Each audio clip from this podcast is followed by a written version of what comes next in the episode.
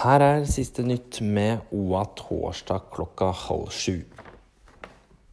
Styrk, som er en del av rustjenesten i Gjøvik kommune, er de som tar seg av ettervernet. OA har besøkt dem og møtt Marte Line Amundsen og Tove Mette Ødegård, som jobber der. De to ansatte forteller til OA at de møter personer som er svært takknemlige for den jobben de gjør. For noen er ensomheten det største problemet. Folk ruser vekk nettverket sitt, pårørende er utslitte, og da tror jeg det er fint at vi finnes som har dette som jobb, sier de to.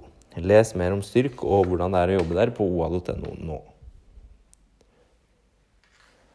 Hvis AMK-sentralen i Oslo av en eller annen grunn skal måtte evakuere, er det Innlandets AMK-sentral som må behandle alle henvendelser i en periode til Oslo-sentralen får rigget seg til i sin reservesentral.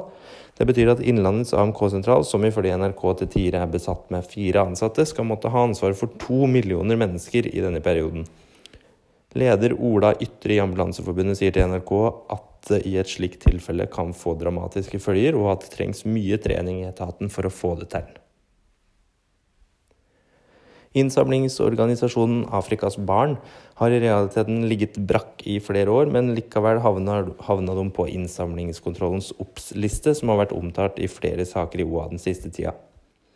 Nå er Afrikas Barn, som er registrert i Gjøvik, fjerna fra lista pga. at det i realiteten ikke er noe aktivitet i organisasjonen.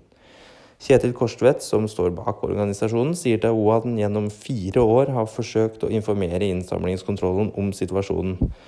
De eh, legger seg nå flat og har sletta Gjøvik-organisasjonen fra Obs-lista.